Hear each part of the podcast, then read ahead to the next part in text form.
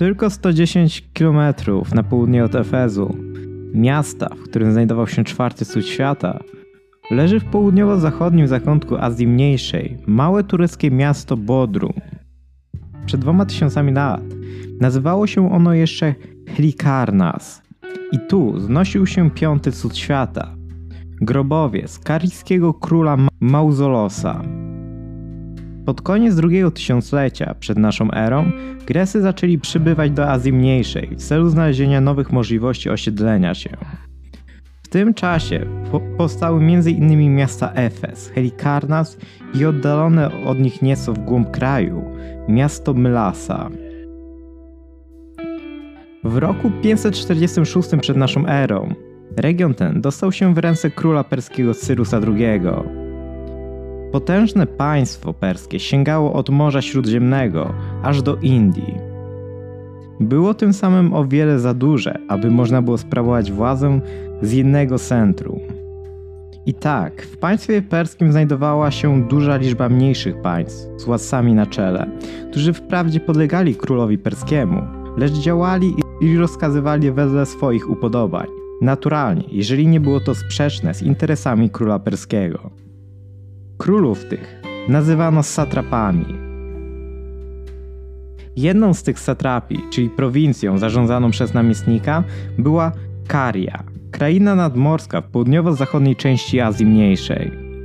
Około 400 roku przed naszą erą rządził tam król Hekatomnos, wierny wasal perskiego władcy Artaxerxesa. Stolicą Hekatomnosa była Mylasa, leżąca w górach powyżej Helikarnasu. Hekatomnos nie był jednak z niej zadowolony i pragnął przenieść swoją rezydencję do Helikarnasu.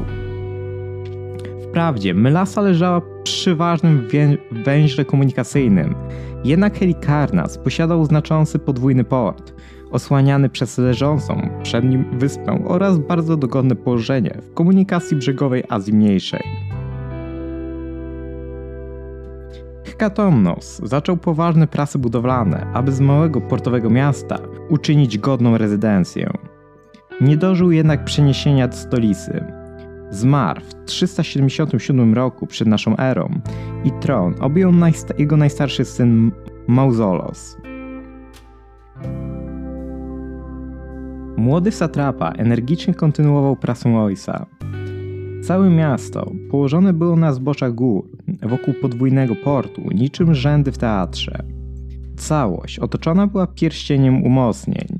W centrum miasta powstała wielka agora, a nieco wyżej została zniesiona świątynia boga wojny Aresa.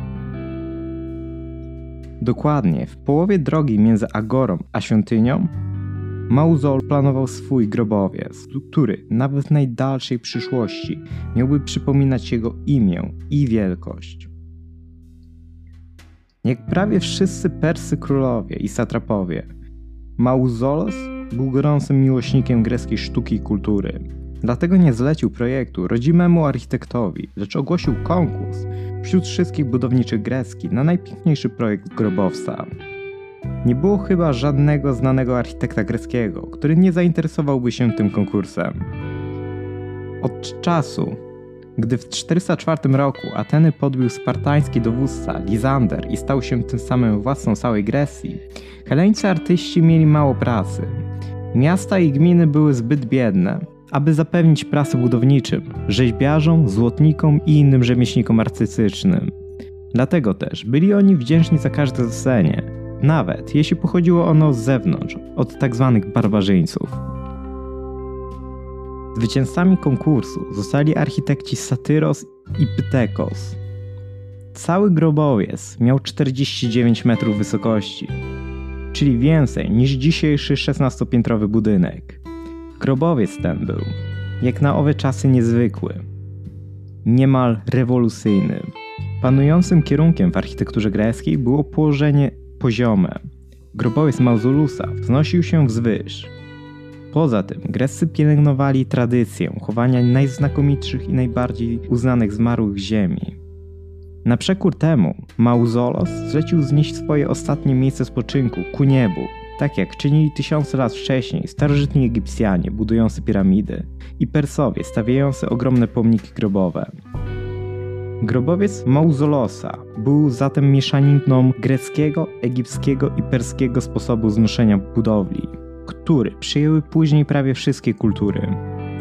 Od tego czasu bardzo często chowano ważne osobistości w podobnych grobowcach, zwanych od imienia pierwszego twórcy mauzoleum. Fakt, że pierwsze w świecie mauzoleum stało się piątym cudem świata, ma związek nie tylko z niezwykłym sposobem budowy. Na fryzach i płaskorzeźbach grobowca znakomici rzeźbiarze stworzyli niepowtarzalne dzieła sztuki, które wprawiły w świat zadumienie. Przedstawiono tam wyścigi zaprzęgów, walki amazonek, bogów i wiele innych mitologicznych postaci.